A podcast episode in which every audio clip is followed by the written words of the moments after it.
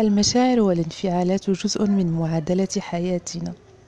لا يجوز أن نثق بمشاعرنا على طول الخط بل إنني أرى في الواقع أن علينا أن نطور عادة الشك فيها. يتعلم كثير من الناس أن يكتبوا مشاعرهم.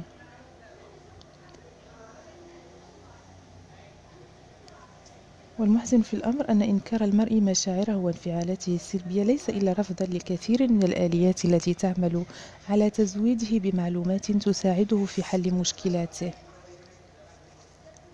هل تعرف من الذي يبني حياته كلها اعتمادا على مشاعره وانفعالاته؟ إنه الطفل ابن ثلاث سنوات. الكلاب تفعل ذلك أيضا. وأنت تعرف ما قد يفعله الكلب وابن السنوات الثلاث أليس كذلك؟ إنه يقضي حاجته على السجادة هناك قدر من التضحية ملازم لكل شيء دائما فكل ما يمنحنا إحساسا طيبا سيجعلنا لا محالة نعيش إحساسا سيئا أيضا.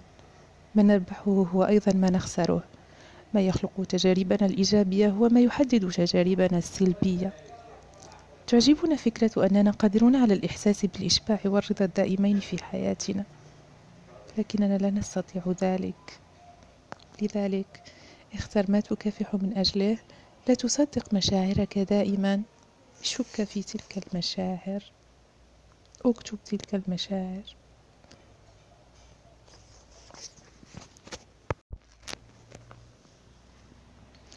لا تثق في مشاعرك. الجزء الثاني. كما سبق وقلنا المشاعر والانفعالات جزء من معادلة حياتنا. حياتنا كلها عبارة عن معادلة. ومن أجزائها الكبرى نجد المشاعر والانفعالات. إنها حاضرة معنا دائما في كل حين في كل آن.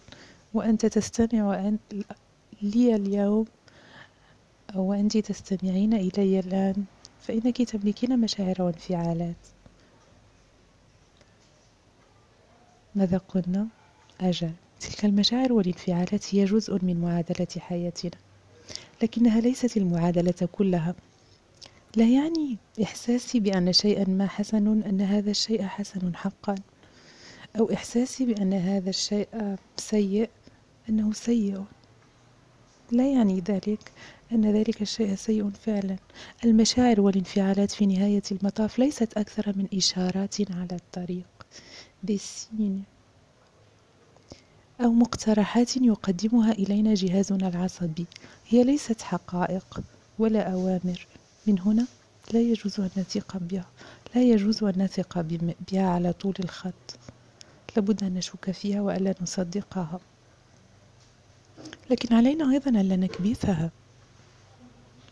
المحزن في الأمر أن إنكار المرء مشاعره وانفعالاته السلبية مثلا ليس إلا رفضا لكثير من الآليات التي تعمل على تزويده بمعلومات تساعده في حل مشكلاته. إذا اتخذوا دائما المشاعر كإشارات فقط كمقترحات يساعدنا جهازنا العصبي جزاه الله خيرا بها. لا أكثر ولا أقل. لأننا عندما نصدق مشاعرنا دائما سنبلغ مرحلة التكبر والثقة الزائدة والمبالغ فيها في النفس. الآخرين ليسوا هم فقط من يخدعوننا. مشاعرنا أيضا قد تخدعنا.